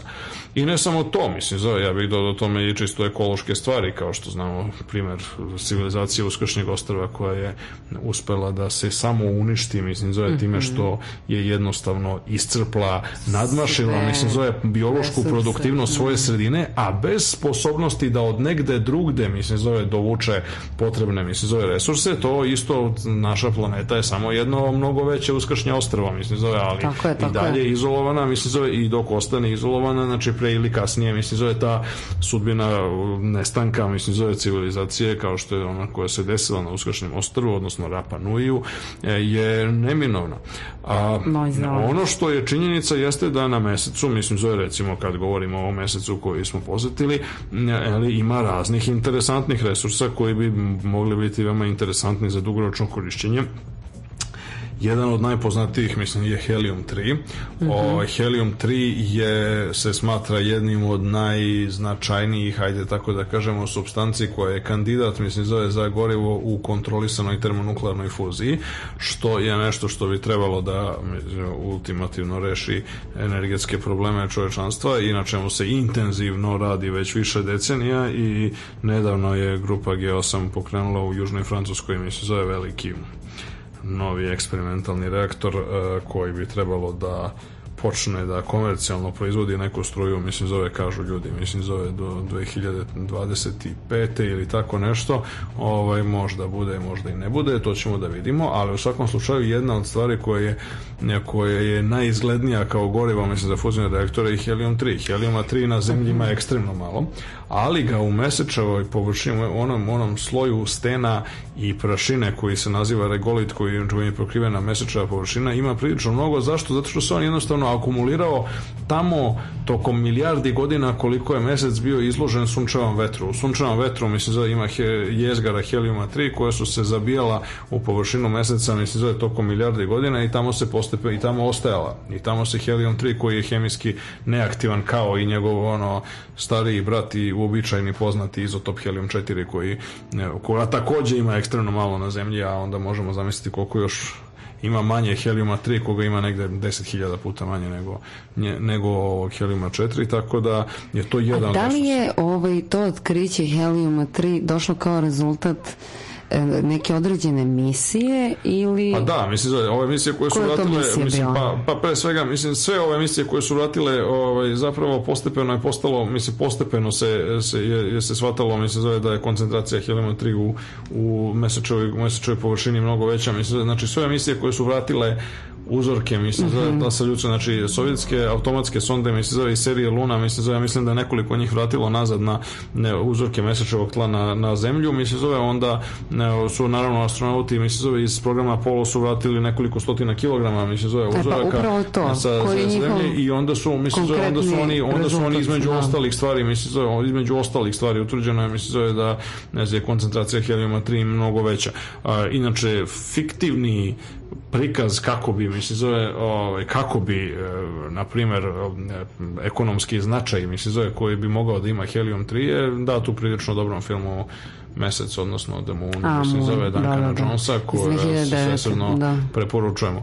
A, ovaj, ono što je ono što je druga stvar koja je bitna, mislim zove na Mesecu, jeste da na Mesecu postoji mnogo više opravdanja za korišćenje solarne energije nego na zemlji. Mm -hmm. Dakle, solarne ćelije koje se na zemlji moraju, moraju proizvoditi jako skupo, jako su osetljive, krhke, imaju ograničen rok trajanja, na njih utiče nepovoljno vlaga, utiču na nepovoljno razne stvari, izlažu se atmosferi, a na kraju krajeva ni sunce ne sija ceo dan pa bude oblačno, a i obdanica je kratka i tako dalje i tako bliže. Sve to ne važi na mesecu na mesecu. Mm -hmm. Substance iz kojih se, od kojih se prave solarne ćelije su prisutne u površinskom sloju mesečevog tla. Imamo vakum koji je mnogo bolji nego industrijski vakum na zemlji koji je neophodan za pravljenje solarnih ćelija E, efikasnost solarnih ćelija je desetinama puta veća na mesecu nego na zemlji iz nekoliko razloga. Jedan razlog je da obdanica traje 14 dana u kontinuitetu, to znači mislim zove da ima mnogo, mnogo više, da kažemo druga stvar što nema atmosfere, pa shodno tome je pojednostavljeno govoreći svi dani su vedri, tako da ovaj, tako da sunce neprekidno sija i ovaj, nikada ne zalazi za oblake e, nema ni vlage, mislim zove koja kvari solarne ćelije, nema ni drugih problema erozije, nema na kraju krajeva mislim zove biljnog i životinskog sveta mislim zove koji takođe interferira mislim zove sa radom ovaj, solarnih ćelija na zemlji A, I to je ono što mi se zove čini i korišćenje solarnih ćelija na, na mesecu mnogo, mnogo, mnogo puta efikasnijim nego na zemlji. A, e sad, naravno, pošto, mislim, transportovati i tako dobijenu e, energiju sa meseca to. na zemlju je jako teško, tako da to će teško da ide. To je Ali ono što pitanje. predstavlja, mislim, zove pravi znači recept, hajde tako da se izrazimo, odnosno pravu poentu cele priče, mm -hmm. mislim da jeste upravo da se ona i ne transportuje, nego da se ona obrnuto, mislim zove da se industrija i druge stvari koje je potrebno, mislim za energija premeste na mesec. I to ili bar mi se zove, bar negde dovoljno visoku orbitu oko, oko zemlje, mi se zove gde je mnogo lakše, mi se zove transportovati to recimo putem mikrotalasnih snopova i tako dalje, bez mnogo gubitaka zbog rasejanja u atmosferi. I ono što je, ono što je to na neki način predstavlja, mi se zove dugoročnu viziju u kojom se zapravo mesec može pretvoriti, mi se zove u nešto što je... U resurs. u, u, u upravo to, mi se zove u resurs koji još uze, bude rečeno, mi se zove još više mi se zove je pogodan i čak nema nekakvih, ne, ne, mislim, počeo od toga, mislim, zove da možemo izbeći, mislim, zove da počeo od toga što je jako blizu, a ovaj, onda, mislim, zove, dakle, zaista dovoljno blizu zemlji, mislim, zove da Koliko se... Koliko let? Kakvom, Pa, mislim, ok, mislim, zove let ovih, mislim, zove e, let e, iz, um, astronauta iz da, misija Apollo, mislim, zove trajao nekih 3-4 dana, mislim, zove koliko je, to... a, ovaj, ali to je zbog toga, mislim, zove što je jednostavno, mislim, zove su s onim koristili Drugo koristili najjeftinije, mislim, zove moguće da. rješenje, mislim, zove, to jest oni bi samo ušli u takvu orbitu, mislim, zove, oko zemlje koja bi ih ultimativno dovela do meseca, mm -hmm. ali, uh, mislim, može to da se uradi drugačije, mislim, zove, ukoliko imate na slaganju više energije ili drugačiji pogon, recimo mhm. jonski mm -hmm. pogon, na primjer, ne, ovaj, bi to moglo, da se, da, moglo bi da se desi mnogo pre. I ne samo to, nego druga stvar, mislim, zove, što na, na neki način, mislim, zove, možete da opet kažem zbog nedostatka atmosfere, nedostatka erozije i tako dalje, vi možete stvari koje, za koje za razliku od ljudskih bića, mislim, zove, nije neophodno da budu zaštićena, ušuškana, mislim, zove, i, i da se drže u fini stvari. Znači, vi možete da transportujete delove industrije, mislim, zove, koji za razliku od ljudskih bića mogu da izdrže, ne znam, ubrzanja od 20G, 30G, 50G i tako dalje, mislim zove koje možete samo da tresnete u površinu meseca, mislim zove i da posle sakupljate, mislim zove delove i tome slično, a da nemate nikakvu brigu oko toga, mislim zove da li će, mislim zove se sad ono, kao mislim zove ono, to, to ne možete raditi sa ljudima, a to recimo mogli biste da ispaljujete, mislim zove praktično iz elektromagnetnog topa sa zemlje bez potrebe, mislim zove da se ono sve mora da bude meko lansiranje, meko sletanje i tako dalje. Um, dalje stvari koje su prilično strašno bitno jeste, mislim, nema na kraju krajeva ni ove nekakvih moralnih dilema koje su vezane za to, pošto mesec je očigledno za razliku, mislim, od Marsa za koji nismo sasvim sigurni, mislim, još uvek i, i proće neko vreme pre nego što budemo sigurni na ovu ili onu stranu, a, a Mesec je sasvim sigurno, mislim, mrtvo telo, tako da nema nikakvih živih bića, mislim, zove koje bismo mogli ugroziti, mislim, zove i čiji bi ekosistem mogao da bude uništen i tako dalje, ovaj, nekakvom kojom eksploatacijom tamošnjih lokalnih resursa. Kako da, bi se zvali a, ono stanovnici meseca? Pa, mislim, bilo je raznih ideja nekada davno u prošlosti dok se verovalo da je mesec nastavljen, bilo je najveće tih ideja. Bile su knjige kao što e, najčešće su je zvali selenitima, mislim, zove, kao pošto pošto je Selen, mislim da je jedno od imena starih, mislim zove antičkih za mesec, mm, o, ovaj, i, ali bile su i razni, mislim zove drugi ono, oblici, mislim zove lunarnih ono, izvedenica koje su koristile, koje su koristile za to. A ono što je Ono što je takođe, mislim, zove ekstremno bitno jeste da razumeti da a, je to, mislim, zove jedan od odskočna daska, da se tako izrazi, mislim, zove za misije ka, na, ka drugim mestima. Mm -hmm. Na kraju krajeva, mislim, zove čak i ako hoćete nešto da lansirate, mislim, zove sa meseca je to mnogo lakše učiniti nego sa površine zemlje iz prostog razloga što ne samo što nema atmosferu, mm -hmm. mislim, zove pa ne pruža ni otpor, mislim, nego je mesečeva gravitacija tako šest puta slabija, mislim, zove od mhm. zemljene, tako da je mnogo lakše bilo što lansirati. A, u blizini i zemlje zemlje i meseca se nalaze po definiciji, mislim, zove veoma potencijalno lukrativni objekti kao što su takozvani neoasteroidi, znači neo, odnosno near earth objects, mislim da to su asteroidi koji prilaze i seku zemljinu putanju, koji su, kao i svi asteroidi, recimo, jako bogati teškim elementima, u smislu ne da su oni nešto specijalno bogati, ali dok su na zemlji teški elementi, svi oni stvari koje su recimo teže od gvožđa, kojih neki imaju jako velike komercijalne primjene kao su platinski metali, neke druge stvari kao što je zlato imale bi mnogo veću u komercijalnu primjenu, mm mislim zove samo da su da ih ima više, mislim zove pošto mm -hmm. inače mislim da je mnogo mnogo je pametnije praviti recimo fine provodnike i slične stvari Tako od zlata, zlata samo da. što niko neće to da koristi zato što je jednostavno suviše skupo zbog toga što ima manje. E na zemlji su te stvari potonule ka centru zemlje, a na asteroidima, znači malim telima koje imaju zanemarljivu gravitaciju, onda su onaj potpuno homogenog sastava, znači u svakom kubnom hmm. metru stene, mislim zove imate podjednako mnogo, mislim zove tih stvari, mislim zove kao što imate na zemlji kad kad da bi usrednjili sve skupa, mm -hmm. a mhm. to znači mislim da je mnogo više, naravno, nego ono što možemo da eksploatišemo samo iz zemljine kore. Tako da, mislim, te stvari. E sad, to zahteva, mislim, zove jednu vrstu, mislim, zove dalekosežne vizije koju e, mnogi ljudi se plaše, pa uključujući recimo i baza odrena, mislim, zove danas prosto odsustvo, je, mislim, pogotovo iz tih velikih birokratskih i administrativnih tela.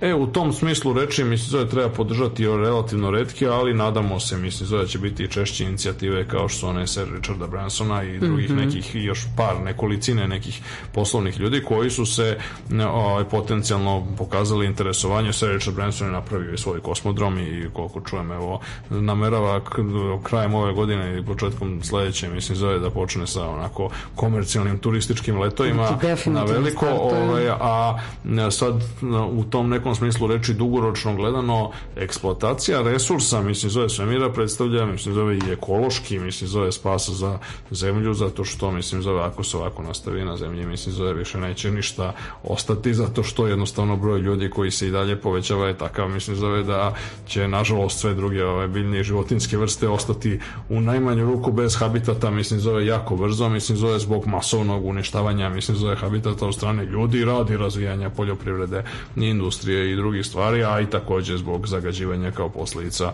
nus proizvoda ljudske aktivnosti Ako nećemo da se to desi, odnosno ako imamo, mislim, zove delimično ekološku svest, jedna dugoročna stvar koju ne možemo naravno od danas do sutra, ali jeste da, mislim, zove se na neki način razmišljamo i, i, i podržavamo istraživanje i naseljavanje svemira, odnosno pre svega korišćenje ljudskih resursa, mislim, zove da bismo, mislim, nadoknadili ovo uništavanje, mislim, ovih zemeljskih koji su uglavnom vrlo iscrpivi. Kakva je situacija sa, sa ovaj, narednom misijom na ljudske, sa ljudskom posadom na mesec? E, pa situacija je potpuno otvorena, mislim mm tu, nažalost, mislim, zove, ima mnogo raznih ideja, mislim, zove, koje su bile u igri ovako ili onako, mislim, zove, na ovaj ili onaj način, ali, nažalost, mislim, zove, gotovo ništa od toga, mislim, zove, nije otišlo, mislim, zove, negde jako nepraktično, u većini slučajeva kada se generalno, mislim, zove, letovi sa ljudskom posadom su, nažalost, mislim, zove, u hajde da kažemo, velikom opadanju za sada, nadamo se da će se to promeniti, ali činjenica jeste da sem letova do Međunarodne svemirske stanice koja je sem toga u niskoj zemlji, svemirskoj orbiti, znači koja praktično, mislim, zove tu, mislim, zove ono na par stotina kilometara, mislim, zove, dakle, veoma, veoma ovaj, blizu zemlje, tako reći, bukvalno deo ono, predsoblja. E, osim, do, osim toga, za sve druge stvari, mislim, zove, bilo bi potrebni novi, a, e, pre svega, mislim, zove, novi metodi lansiranja. Sad, novi metodi lansiranja, to su razni projekti koji su bili ono u igri, ovaj, Constellation, Hyperion, ovaj, onaj, i, i međutim ni jedan od njih još nije mislim za ušao u neku ozbiljniju mislim za fazu konstrukcije i testiranja a, ostaje da se vidi ja lično sumnjam da će to tako brzo da se desi ali hajde da se nadamo mislim zove možda ne tokom ove ali tokom naredne decenije Na kraju samo mm -hmm. ima još ove, ove teme, ima uh, e, od Aha. generalno teme, mi se zove ove, znači i ove radio galaksija i generalno stvarima koje su vezane za letove sa ljudskom posadom, a konkretno mi se zove za ove, letove na mesec, ima jedna jako lepa knjiga koja je prevedena i kod nas, u originalu se zove Moon Dust, e, a kod nas je preadekvatno prevedena kao mesečeva prašina, mi se zove i izdao je Portal Libris, u prevodu Vladimira Arsenića 2006. godine ima da se nađe po knjižarama, znači Mesečeva prašina je knjiga Andrewa Smitha koji je ovako interesantan jedan lik, novinar čovjek koji je ono pisao o raznim stvarima, mislim zove širom sveta i ovaj dopisnik mnogih ovaj, obično nekih alternativnih časopisa. Između ostalih stvari, ovo je, e, o, u ovoj knjizi on je na neki način pokušao prvo da dođe da razgovara i da napravi portrete, mislim, zove svih preživelih, mislim, zove u to doba i ovih nekih koji su preminuli ranije ovaj, astronauta iz misije Apollo, a takođe, mislim, zove i da da jedno generalno, mislim, zove sliku da baš ovaj, njih anketira i ispit, mislim, zove baš ovaj, porazgovara sa njima o temama koje su direktno vezane za pitanja o kojima smo govorili pre svega za istraživanje svemira misijama sa ljudskom posadom i kako se kako je to i ima i dosta ovako istorijskih ima i dosta nekih što bi se reklo mislim zove čisto ovaj human interest ovaj, aspekata tako da sve svesrdno preporučujemo ovu mesače u prašinu.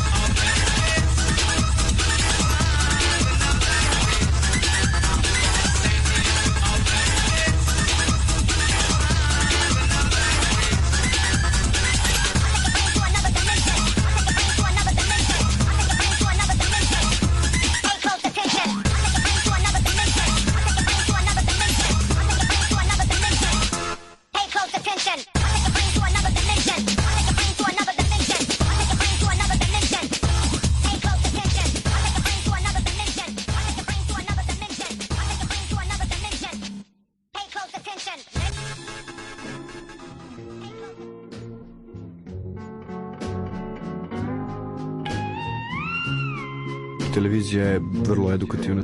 Svaki put kad neko upali TV, ja odem u drugu sobu da čitam knjigu. Prljava knjiga nikad nije prašnjava.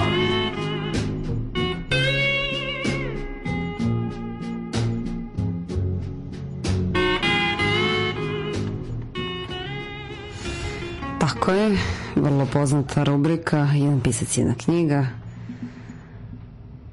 Uh, a danas Ernesto Sabato, ali tako beše? Sabato. Da, da. O junacima i grobarima. Grobovima. Grobovima. E, Grobovima. Ovaj, to, ovaj, e, dakle, mislim, zove Sobre Heroes i Tumbas, kako bi se reklo, znači, e, Ernesto Sabata smo mi ovaj, pominjali u ovoj rubrici nekada veoma davno, dakle, u jedno, recimo, negde oko o, Radio Galaksija broj 15 otprilike A, pa mislim pa da je, prvi e, da. je ali u tom prilikom smo govorili o njegovoj, njegovoj eseistici, to jest o njegovoj izbirci eseja Čovjek i pojedinac i univerzum, a, a mislim zove, on je opravdano mislim zove poznati kao romanopisac, s tim što a, njegov glavni roman, on je napisao tri romana, Tunel o junacima i grovima i Abadon Abadonanđe uništenja, a, e, napisao ih je u periodima po 13 godina, znači znači mm. tunel 1948. Ovi nacima je grobenja 1961. i Abadon do Nanđu 1974. I to su jedina tri romana, ali su oni spektakularni, a naročito, mislim, zove ovaj, centralni roman te jedne svoje vrsne neorganske trilogije, kako bi se moglo reći, o junacima i grobovima je posebno spektakularna stvar. Inače, Nesto Savato je na, nažalost, preminuo prošle godine 2011. u svojoj 99. godini, Opa, mislim, zove negde je... ono, dve, oko dva meseca pre ove, svog stotog rođendana. A, inače, bio je veoma interesantna ličnost. On je po mnogo čemu, mislim, zove, ove, ovaj, kako bi se reklo, dobro došao uvek u, u Radio Galaksiji i u, bilo, u, u raznim kontekstima, zato što je on originalno po obrazovanju fizičar i čovek je ne samo, mislim, zove što je studirao fiziku, nego je radio jedno vreme u Parizu u čuvenoj laboratoriji Rene Jolio i Frederika Kirija, e, koji su u oči drugog svetskog rata, znači tokom 1930-ih godina, mislim bila jedna od tri najznačajnije e, laboratorije na svetu, mislim zove koja je, e, je u to vreme, ajde da kažemo onako pipala u mraku, mislim zove u vezi sa neobičnim osobinama elementa, mislim zove broj 92, mislim zove u periodnom sistemu, odnosno uranijuma. Pokazalo se da uranijum može da se raspada, ali ne samo što samo od sebe raspada, nego što on pritom proizvodi nekakve produkte, između oslova proizvodi neutrone, pa se onda pojavila ideja koja je istovremeno sinula nekolicini ljudi da bi, eto, ako raspad jezgra urana proizvodi neutrone koji opet može da absorbuje neko drugo jezgro urana i da se takođe nasilje raspadne, mislim zove da bi onda moglo doći, mislim zove do zastrašujućeg pojave, mislim zove koja se naziva lančanom reakcijom ne, i kao posledica toga, mislim zove do oslobađanja nuklearne energije, tada potpuno nepoznatog i novog pojma a, i ono što je zanimljivo jeste da se, dakle, E, Ernesto Savato je upravo bio užasnut, znači tom samom idejom je iznad doživao veliku, duboku psihološku krizu kada je shvatio, mislim, zove da samo što nismo, mislim, zove ovaj, na pragu, mislim, zove oslobađanja te e, nesvatljivo destruktivne, potencijalno destruktivne energije, onda je on doživio duboku krizu, povukao se, mislim, zove u duboko u argentinsku provinciju i batalio nauku, mislim, zove jedno vreme se onako izolovao od sveta potpuno, a kasnije se posvetio pisanju pisanju i ah, i slikarstvu. A, mhm. također treba napomenuti dosta je slikao sve do pre jedno 20 godina, mislim zove kada mu je vid jako oslabio i onda više nije mogao da slika što sam priznaje u svojim esejima da mu je ekstremno teško palo. A inače mislim zove bio vrlo značajan intelektualac u argentinskom i generalno latinoameričkom životu.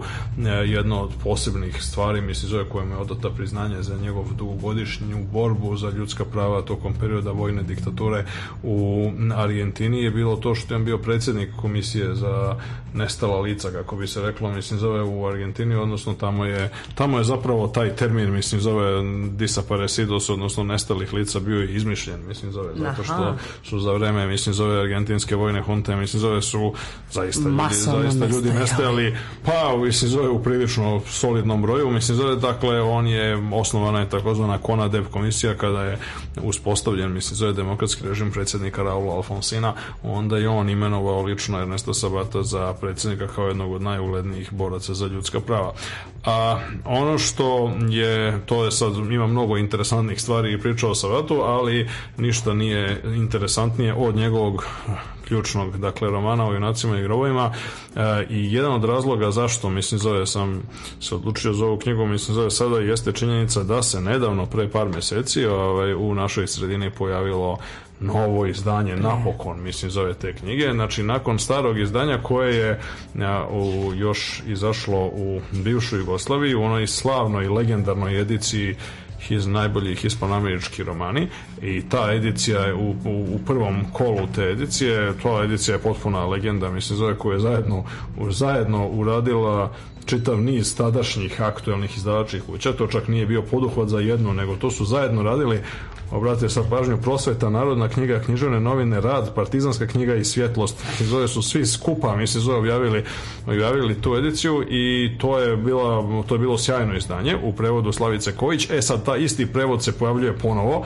pre par meseci, dakle u izdanju iz 2012. u izdanju Platoa i sad to je isti prevod ono što to je ono što je bitno Ono što je do duše malo depresivno, mislim, zove, evo recimo za ljude poput mene koji prelistavaju, mislim, zove ovo originalno izdanje, jeste što ovo, ovo novo, mislim, zove po, što, kako bi se reklo, mislim, zove svim aspektima, mislim, zove tehničko, grafičkog kvaliteta, mislim, zove za jedno tri koplja, mislim, zove lošije, mislim, zove od ovog starog i to je potpuno paradoksalno, pošto knjiga, mislim, zove koja je originalno, dakle, objavljena 1184.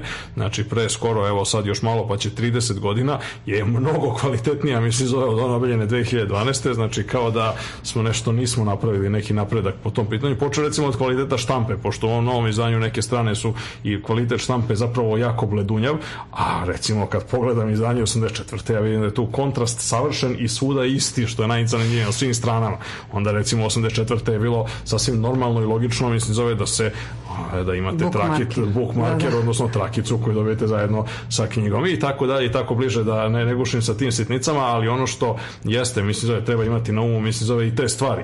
E, u svakom slučaju, dakle, za novu generaciju čitalaca koja nije imala prilike, mislim zove, da, ovaj, da, da čita ovaj roman ranije, odnosno da, da čita ovo, ovo izdanje, ili ako naravno čita španski, onda još, mislim zove, to je mnogo lepše, mislim zove, pošto ove stvari treba ovakva remek dela, mislim zove, književnost treba čitati o, ovaj, u originalu, mislim zove, sad je naravno aktuelan i dostupan novi prevod, A, o junacima i bogovima je ekstremno kompleksna knjiga koja se apsolutno, mislim, zove ne da ono, prepričati, mislim, zove ni u ovako kratkoj rubrici, a verovatno ni u celini Radio Galaksije. Ona je, ona je zaista a, takve prirode i toliko velike kompleksnosti i detalja, a nije ni čudo, pošto kao što sam pomenuo, on je zaista pisao 13 godina, ovaj roman koji nije toliko dugačak koliko, mislim, zove je složen i koliko ćete prilikom svakog čitanja otkriti nešto novo.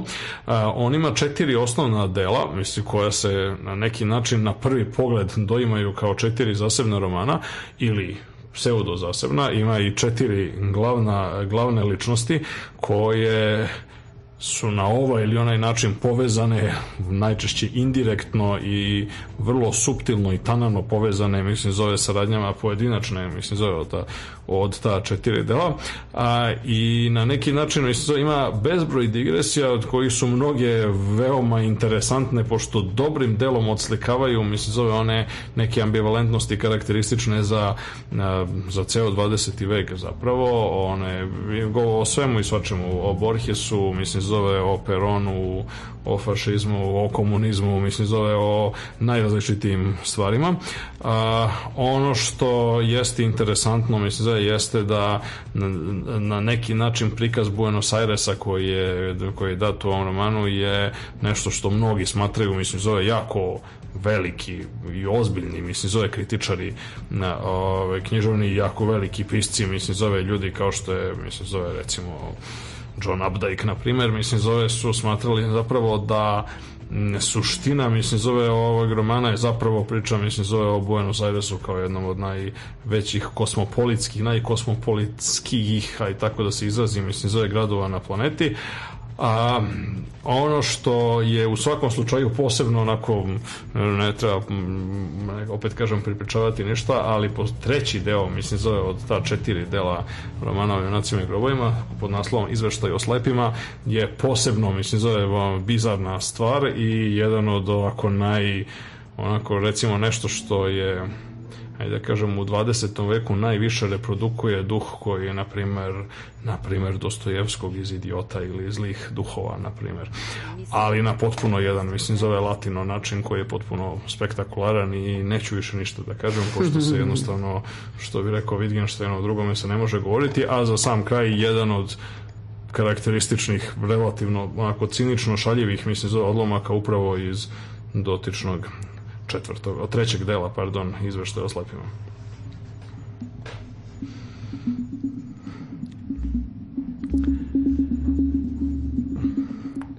E, U to vreme bilo mu je oko 35 godina, bio je mršavi, crnomanjast, onizak, suvonjav kao mnogi španci što izgledaju kao da su živeli na kraškoj zemlji, tako reći bez jela, spečeni, isparušeni žestokim letnjim pripekama i surovim zimskim studenima.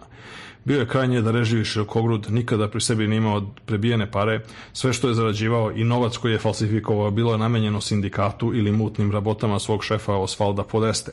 Uvek bi u svom sobičku davao utočište nekom od onih gotovana koji susreću među anarhistima i mada ne bi bio kadar standarda ubijen i muvu, najveći deo života je proveo po španskim i argentinskim tamnicama. Iglesias je, slično normi Puljeze, zamišljao da će se sva zla čovečanstva jednog dana razrešiti zahvaljujući sprezi nauke i uzajemnog razumevanja. Treba se boriti protiv mračnih sila što stolećima sprečavaju pobedu istine. Međutim, napredak ideja je neprestan, tako da će pre ili kasnije neizbežno svanuti zora – Umeđu vremenu treba se boriti protiv organizovanih snaga države, razoblačavati podvale sveštenstva, držati na oku vojsku i unapređivati školstvo. Osnivane su biblioteke u kojima se nisu nalazila samo dela Bakunjine ili Kropotkina, nego i Zolini romani, Spencerove i Darwinove rasprave, jer im se čak i teorija evolucije činila subverzivnom, te čudna veza spajala istoriju riba i torbara sa triumfom novih ideja. U bibliotekama se mogla naći i Osvaldova energetika, neka vrsta termodinamičke biblije, u kojoj Boga zamenjuje nekakvo laičko, ali neobjašnjivo suštastvo po imenu energija, koje kao i njegov prethodnik sve objašnjava i sve može, a ima tu prednost da je povezano sa napretkom i lokomotivom. Muškarci i žene koji se setali ovim bibliotekama stupali bi potom u potpuno slobodan brak i rađali decu kojima su nadevali imena poput Svetlanka, Slobodanka, Novoerka ili Giordano Bruno. U najvećem broju slučajeva ta deca su usled onog poriva koji decu i inače okreće protiv roditelja ili naprosto usled zamršenog i uglavnom dijalektičkog hoda vremena izrastala u štrajk brehere, obične buržuje pa čak i žestoke progonitelje naprednih pokreta kao što je slučaj sa čuvenim policijskim komesarom Đordanom Brunom Trentijem. Odlična knjiga, svakako za preporuku. Hvala e, Milane tebi pre svega, a i slušalcima. Bila je to 27. odnosno 79. epizoda Radio Galaksije, a vi nam pišite sugestije, komentare i ostale stvari na um, e, radiogalaksija.gmail.com a čujemo se uskoro pratite informacije na elementarium.rs naučno-popularnom portalu CPN, Centra promocije nauke i vidjet ćete zapravo informacije o novim epizodama, a možete pratiti informacije i na Facebook grupi Radio Galaksija Arhiva. Do slušanja. Doviđenja, prijetno.